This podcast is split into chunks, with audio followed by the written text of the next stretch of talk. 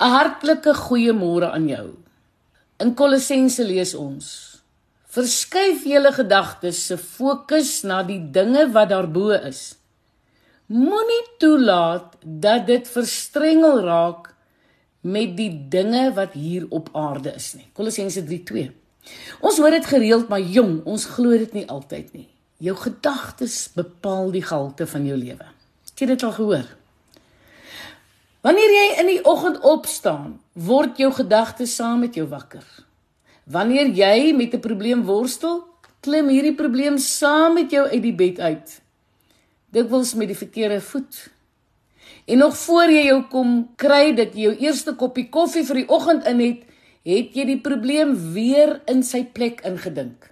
Ja, jong, jy herleef weer gister se emosies in die ongemaklikheid van 'n onopgeloste verhoudingstamaletjie of 'n taak waarvoor jy nie heeltemal opgewasse voel nie. Jou emosies beïnvloed jou gedagtes en jou denke en ook so omgekeerd. As jy aanhou om dieselfde gedagtes te dink, sneller jy elke keer bepaalde emosies en stadig maar seker maak jou liggaam plek vir die gevoelens. Wanneer jy terugdink aan 'n pynlike gebeurtenis uit die verlede, maak dit vrees of angs by jou wakker.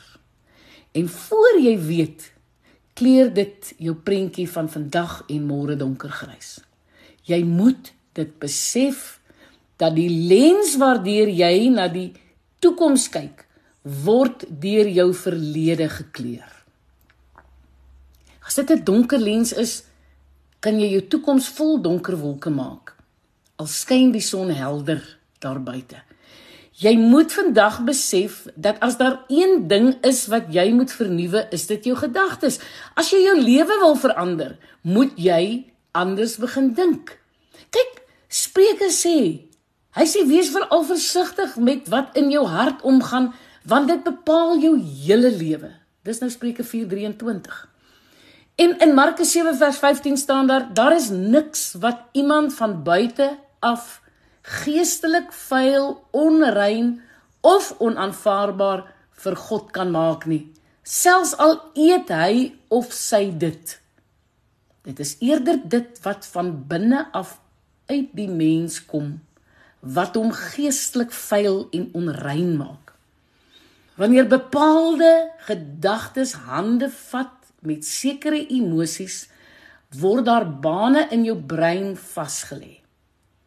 Elke pad wat jy grou word nou deur herhaling 'n groef wat 'n outomatiese reaksie tot gevolg het.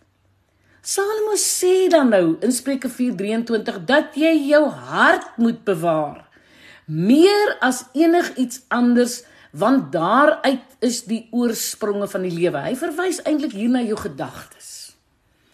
Hy sê dis dat ons bewus moet raak van ons gedagtes en ons denkpatrone.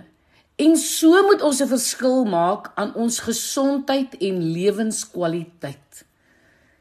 As dit waar is dat jou gedagtes jou kan siek maak, is dit sekerlik ook waar dat jy jouself gesond kan dink? Wat dink jy? Dit is wetenskaplik bewys deur duisende breinskaderings dat mense geleer kan word om hulle brein te herbedraad. En navorsing het natuurlik ook bewys dat selfs ernstige siekte toestande verbeter of gestuit kan word deur die breinoefeninge. Efesiërs 4:23 leer ons: As ons gedagtes nuut word, sal daar wonderlike dinge gebeur. Ek wil regtig vir jou sê, wees versigtig met wat jy dink. Gedagtes word woorde en later aksies. En daardie aksies het altyd reaksies. Positief of negatief. Nou ja, dink voordat jy dink. Ek is net beer vir Radio Kansel.